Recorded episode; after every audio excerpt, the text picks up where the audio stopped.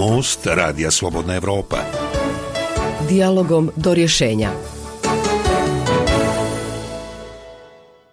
U današnjem mostu razgovarat ćemo o tome imali izlaza iz krize koja je nastala u Bosni i Hercegovini nakon što je odlazeći visoki predstavnik Valentin Icko nametnuo zakon po kome negiranje genocida postaje krivično delo. Naši sagovornici su lideri dvije opozicione stranke iz Bosne i Hercegovine, Branislav Borenović, predsjednik Partije demokratskog progresa iz Republike Srpske i Nermin Nikšić, predsjednik Socijaldemokratske partije Bosne i Hercegovine.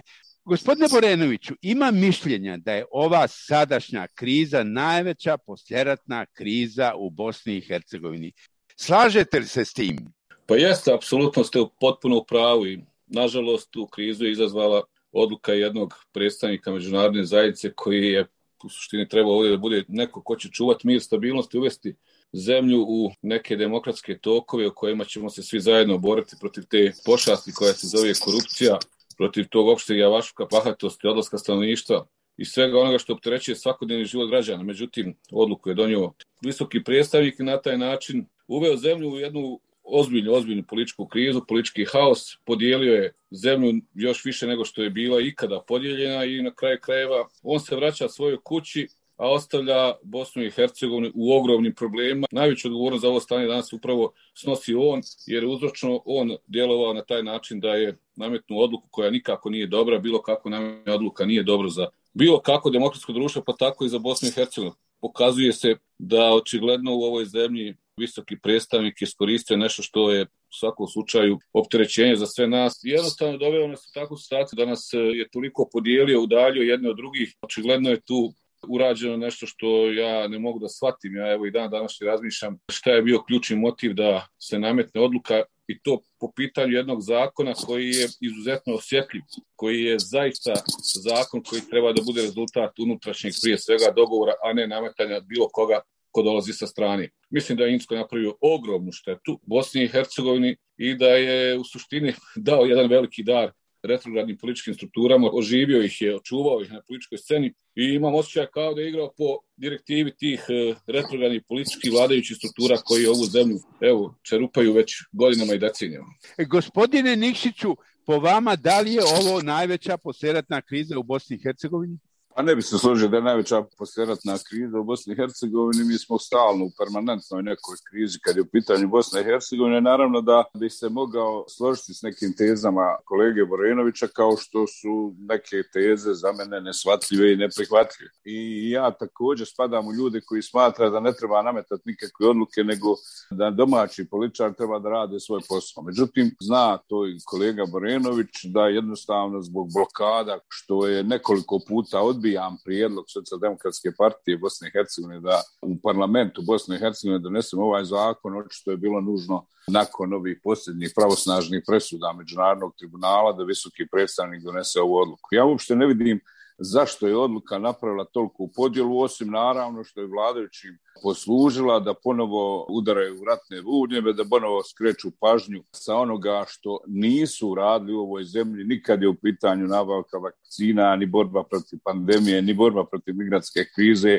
ni borba protiv kriminala i korupcije, opterećeni su ogromnim aferama i u Federaciji i u Republici Srpskoj i više niko o tome ne priča, sad se ponovo priča o tome, jedni kao prihvataju, drugi ne prihvataju. Dakle, ja ne vidim šta se tu ima prihvatati ili ne prihvatati pravosnažnim presudama Međunarodnog tribunala je utvrđeno i može se nekom sviđati ta odluka ili ne sviđati, ali niko ne pita nas da li to prihvatamo ili ne prihvatamo. To je pravosnažna presuda, to je činjenica, to je fakt. Zar trebamo toliko ponovo da se valjamo u tom blatu umjesto da se okrenemo u budućnosti. Ne znam zašto je problem to reći političarima u RS, pa niko ni jednog trenutka ne pomišlja da kvalifikuje kompletan narod, niko ne pomišlja da kvalifikuje Republiku Srpsku. Dakle, govorimo o tome da zločinci moraju odgovarati za zločine i da je pravosnažnom presudom utvrđeno da postoji i da je bio zločin genocida. Ja također znam da je bilo zločina na svim stranama i svi treba da odgovaraju zločinci. Oni imaju svoje ime i prezme. Ako je to problem, ja ću prvi reći da se izvinjamo ime svih onih koji su u moje ime uradili zločine,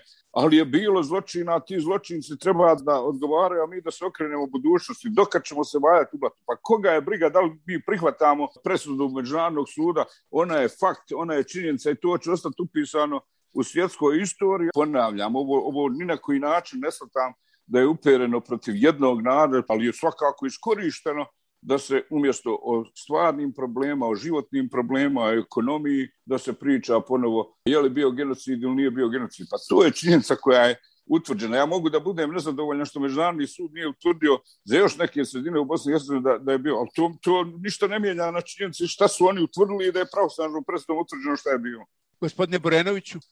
Gospodin Nišić je navio deset razloga zašto nije trebalo nametati zakon. Da mi imamo mnogo većih problema u ovoj zemlji od zakona koji je nametno visoki predstavnik. Pogotovo zakona koji je jako osjetljiv, koji je emotivan. Stvarate neke ratne rane koje su jako bolne sa svih strana. Ova zemlja je opterećena sa brojnim problema, zaista sa ogromnim problema i ne vidim uopšte niti jedan razlog zašto se moralo otvarati te stare ratne rane toliko emotivno teška pitanja o kojima mi evo danas pričamo, a zemlju napuštaju svaki dan sve više i više građana koji su nezadovoljni vlašću koja u suštini ništa ne radi, nego se bavi samo nacionalnom retorikom. I naravno da su većina njih prihvatili ovo kao neku vrstu bojeg dara koji im je ostavio Insko, koji su suštini najodgovorniji zašto danas imamo ove probleme, zašto se bavimo temama oko kojih trebamo da mi napravimo unutrašnju saglasnost? I ako išta je trebalo da uradimo kao ozbiljne političke strukture, pogotovo vladajuće, trebali smo da mi dogovorimo zakonsko rešenje koje će na određen način tretirati ponašanje svih nas kada su u pitanju presude međunarodnih sudova oko ratnih zločina.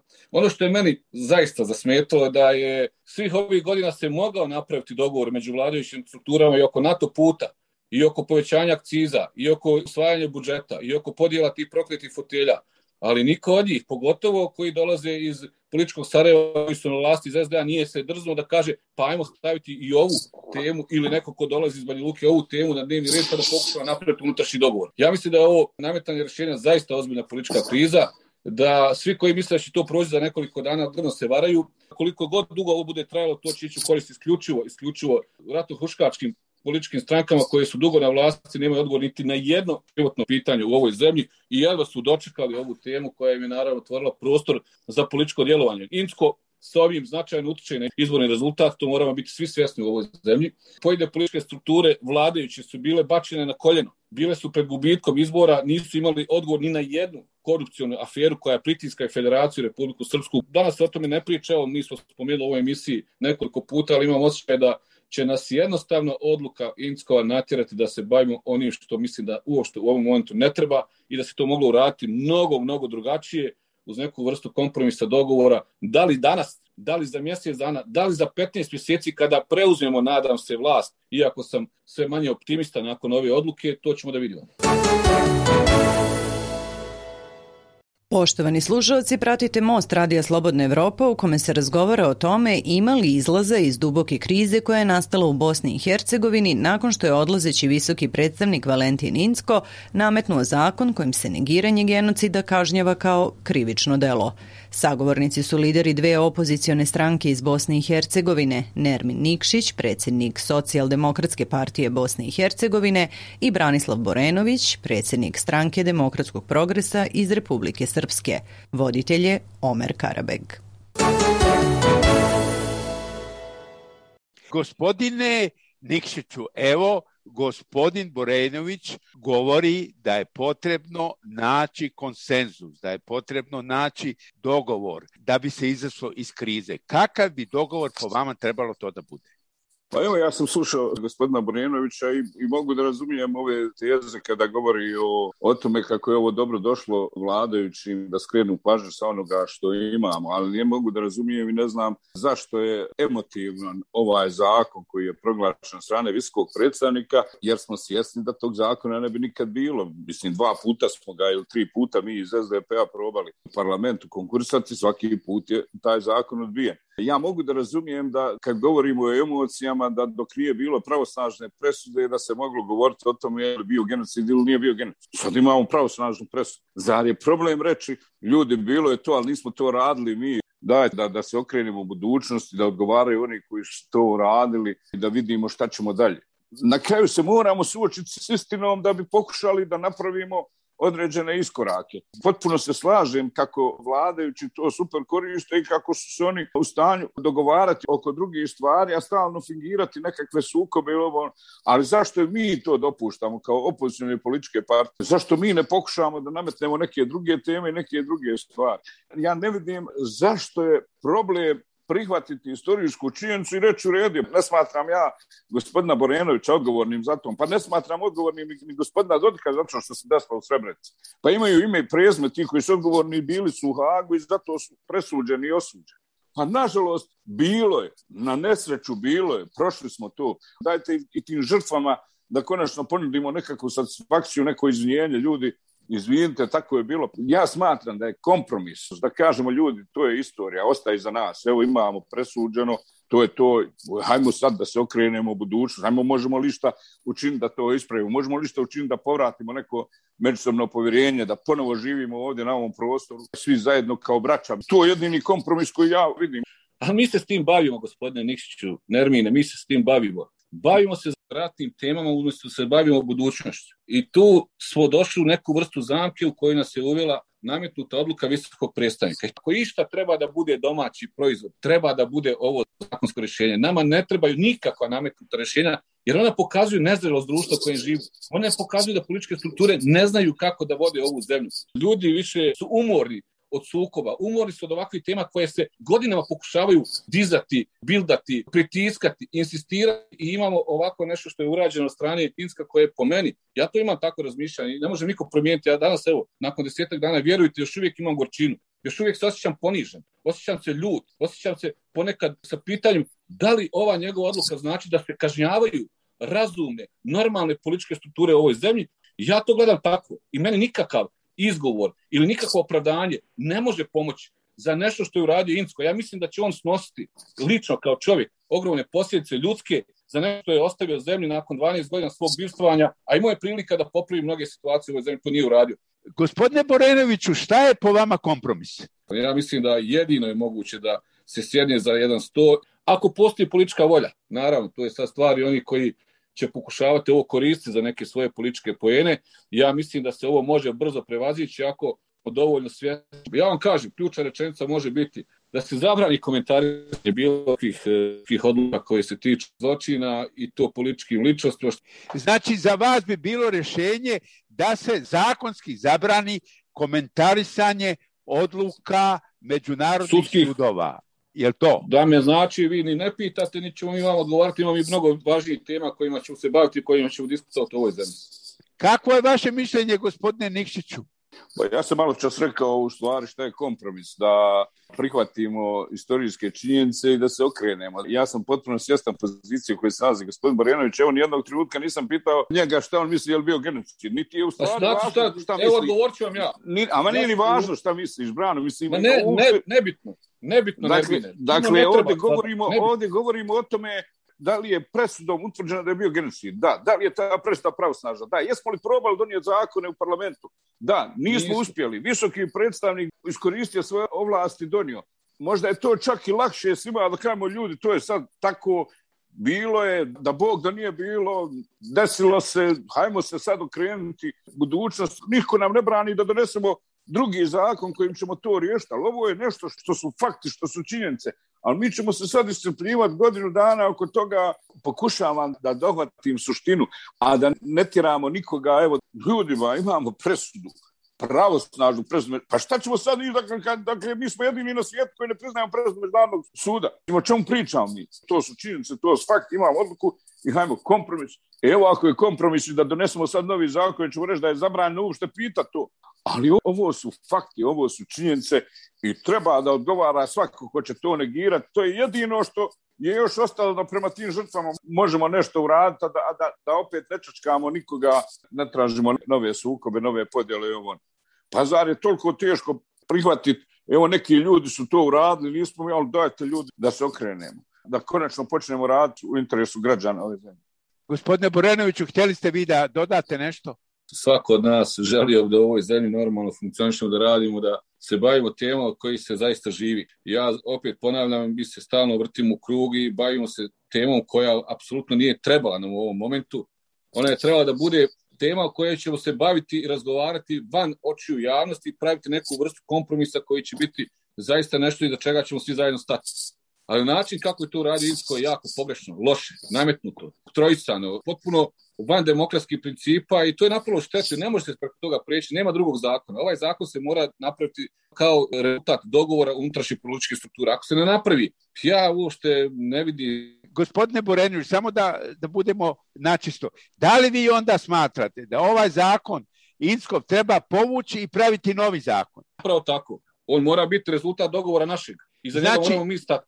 Znači, ozbiljne političke strukture. Mislite da ovaj zakon treba povući i napraviti novi zakon? Pa naravno. Kako ćemo zakon usvojiti u parlamentarnu proceduru ako iza njega ne stanemo svi zajedno? I ako je napravimo novi ili modifikovan ovaj, kako god da ga nazove, ali mora biti zakon kao rezultat kompromisa, dogovora, konsenzusa, nečega što će biti dogovoreno među nama i za čega ćemo svi zajedno stati. Ja mislim da to mora se desiti, jer pogotovo ovaj zakon, pogotovo zakon koji je bolan, koji je emotivan na svoj način. Pazite, pravi se oko ovoga jedna vrsta svega samo ne onoga što ozbiljni ljudi u jednoj zemlji treba da uradi. Ovo je zakon koji će se iskoristavati ili pokušati iskoristiti za političke benefite i to onih najlošijih namjera. Poštovani slušaoci, pratite Most Radija Slobodna Evropa u kome se razgovara o tome ima li izlaze iz duboke krize koja je nastala u Bosni i Hercegovini nakon što je odlazeći visoki predstavnik Valentin Incko nametnuo zakon kojim se negiranje genocida kažnjava kao krivično delo. Sagovornici su lideri dve opozicione stranke iz Bosne i Hercegovine, Branislav Borenović, predsjednik stranke Demokratskog progresa iz Republike Srpske i Nermin Nikšić, predsjednik Socijaldemokratske partije Bosne i Hercegovine.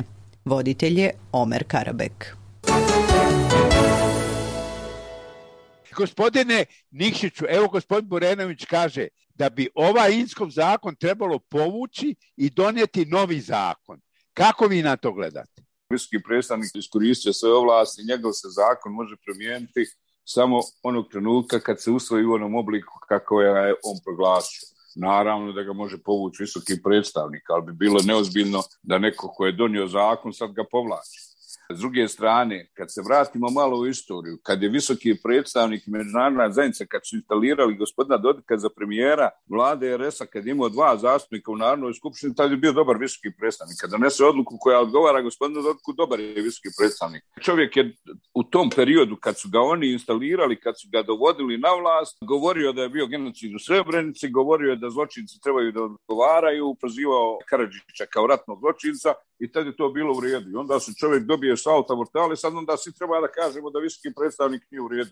Meni je žao da mi živimo u zemlji u kojoj nam treba visoki predstavnik. Žao mi je da živimo u zemlji u kojoj nam treba predstavnik Evropske komisije. Žao mi je da živimo u zemlji u kojoj međunarodna zajednica mora između nas da vrši medijaciju, jer evo vidite kako mi funkcionišemo. Dakle, mi smo spremni da, da napravimo priču oko pravosnažne presude spremni smo da napravimo priču oko odluke visokog predstavnika, samo nismo spremni da napravimo priču o borbi protiv kriminala, borbi protiv korupcije, kako da stvorimo bolje uslove za privrednike, kako da povećamo zaposlenje, kako da mladi ne idu van zemlje, kako da stvorimo uslove za penzionere, o tome nećemo pričati. E, dakle, ja jednostavno ne prihvatam tu logiku i dok mogu ja ću se boriti da je ovo tema, a da je ovo politikanstvo što trenutno imamo na političkoj sceni. To su činjenice, evo ponavljam, ja sam već jednom rekao, evo ja se izvinjavam svim žrtvama koje su bile žrtve pripadnika armije Bosne i Hercegovine, ali tražim da to prihvate i drugi ljudi, da prihvate da je pravosnažno presno utvrđeno da je bio genocid u Srebrenici i da konačno i tim žrtvama damo određenu satisfakciju tako pa što ćemo bar reći izvinite, neko je to uradio, hajmo se okrenuti budućnosti, nemojte se vraćamo u prošlost. Je li to tako teško? Pa ako je teško, onda stvarno imamo neki drugi problem. Gospodine Borenoviću, da li je to tako teško? Pazite, ovoj priči nema kraja. Nema zaista kraja. Mi govorimo o sudskim presudama. Imaju sudske presude koje su takve kakve jesu. Ja ušte ne vidim više niti jedan razlog. Zašto se mi stalno moramo vraćati. E pa je, to je, to je fakat. Idemo dalje. Zašto se... Zašto, pa šta je sporna odluka?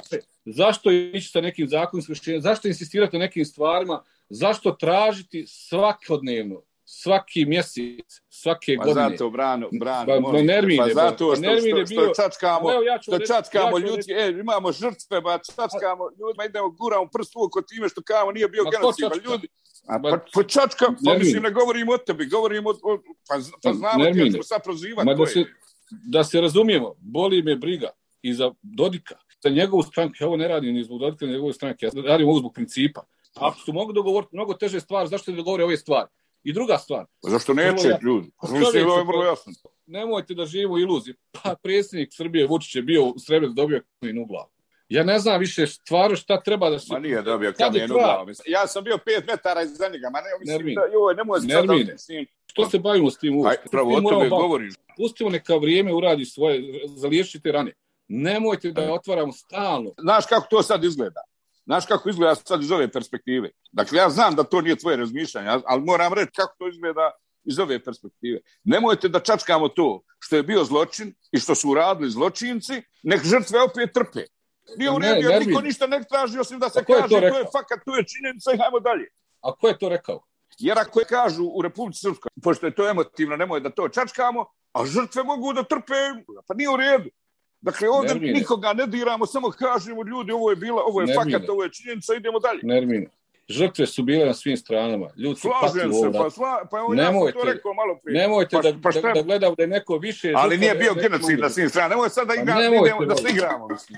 Ali nemojte da se stalno, da se stalno vraćamo i da se stalno vrtimo u kruga, vrijeme prolazi. S ovim se tačka. Ovo tek otvara problem. Normalno da otvara problem, jer, jer je Dodik došao u fazu da mu je krivo očito što nije bio s onima koji su osuđeni za zločine, pa sad pokušava da bude veći nacionalista od njih. Ma šta mi briga za Dodika? Pa, briga mene. Briga Pa mene za državu. je. Mislim, pa pazi, ali vi Pa kad, kad pozove Dodik, vi bude. kod Dodika. Ne, ne. Dodik Pa je došao u Narodnu skupštinu gdje smo i mi došli. Mi smo došli u Narodnu skupštinu gdje je došao i on. U Pa parlamentu. predlagali smo Ma zakonsko nije, rješenje. ma to je sve Kako bilo nije? priča, ma nije tako bilo nervino. To je sve bilo, Kako? nemojte predlagati nešto Srbije. Pa zato Nemoj. je Incko donio što, što je nemoguće da se donese. Mislim, o čemu E. pričam? Ako je to nemoguće, onda ova zemlja ima problem. Vjerujte, mnogo dublji Pa ne. problem nervini Pa ne, nego pa što ovako pazi, mislim, pa pa slažem se. Ne, Slažem se, zato, zato, zato ja i govorimo. to. Ja Zato i govorim, slažem ima- se. Dakle, ne možemo emotivno, ne možemo emotivno prihvatiti da priznamo Ne, da je ne, genocid ne, jer ćemo povrijediti one koji su radili genocid, Ne, ali zato neka ne. trpe žrtve da, da kažu da nije bio pa genocid. čekajte, Da. malo, pa čekajte, malo nervine. Hoćete razumjeti moje stavove. Ja sam sa 18 godina otišao u rat. 92. godine napunio 18 staču godina. Otišao u rat, bio nekoliko godina tamo. Moj najbolji drug iz klupe je poginuo.